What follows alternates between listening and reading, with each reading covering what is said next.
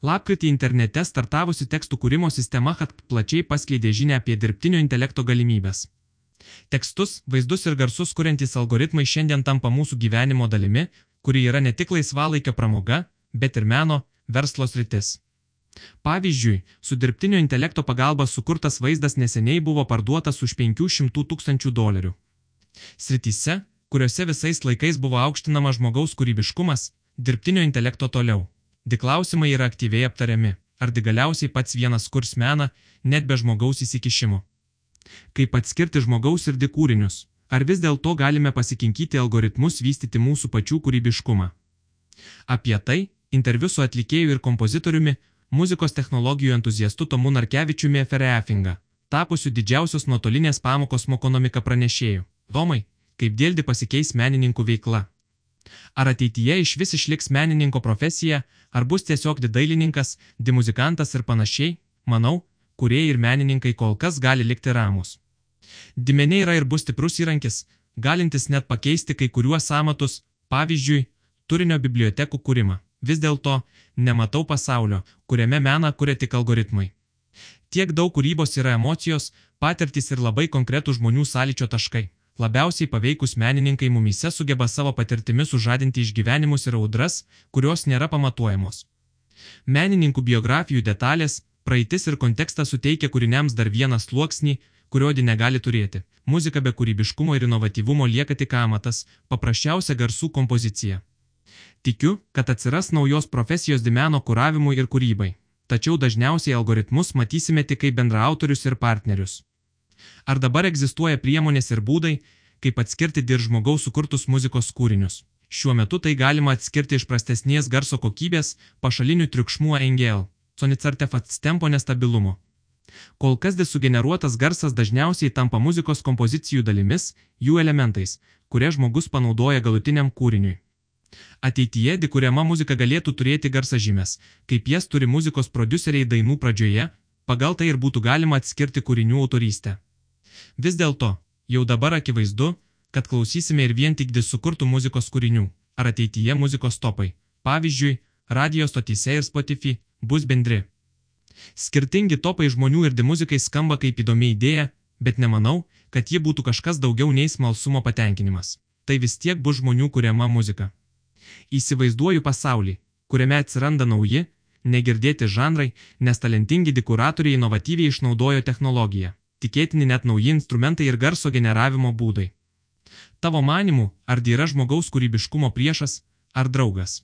Kūrybiškumas yra įgimta savybė, gyvenanti mumise nuo žmonijos lopšio. Evoliucija yra kūrybiškumas.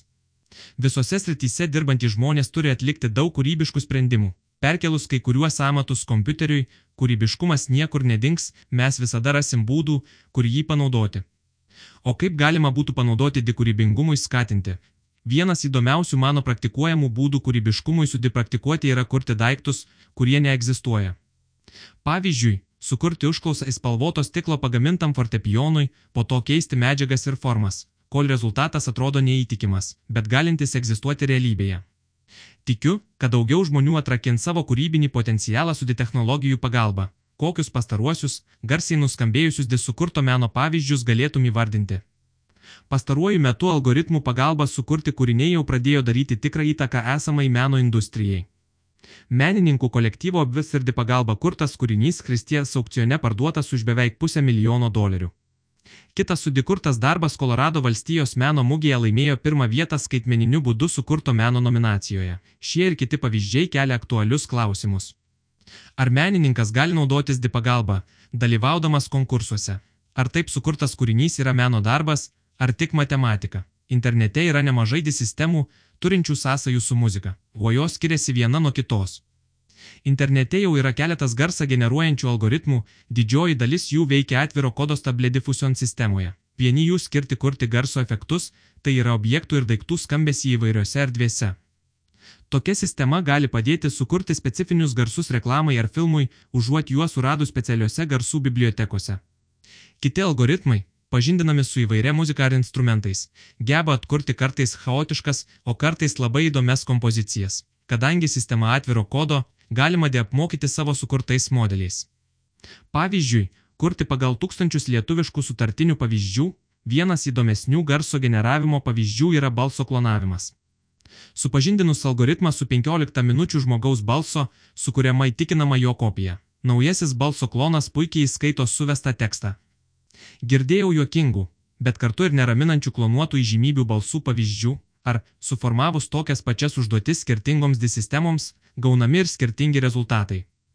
Žmogus su generatyviu bendrauja užklausų NGL. Prompts pagalba - tai yra kuo aiškiau suformuluotomis žymėmis, kurios kuo tiksliau apibūdina norimą rezultatą.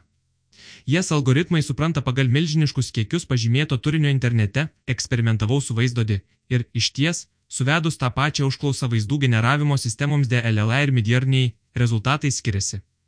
Midjarniai kuria itin panašiai atrodančius, tvarkingus, kokybiškus vaizdus, tačiau su juo gaunu mažiau įdomių, tolynų vedančių pavyzdžių. Ta pačia įvesti DLLA apdoroja netvarkingiau, bet gaunu išsiskiriančius, įdomesnius rezultatus. Matosi, kad šių dėl algoritmo treniravimo medžiaga skiriasi. DLLA ir Stable Diffusion algoritmai geriau veikia įvedant nerišlės užklausas, pavyzdžiui, Bulldog, Verinka Bovtie, bet žymių sekas kaip Bulldog, RD Bovtie, Realistics, Foto.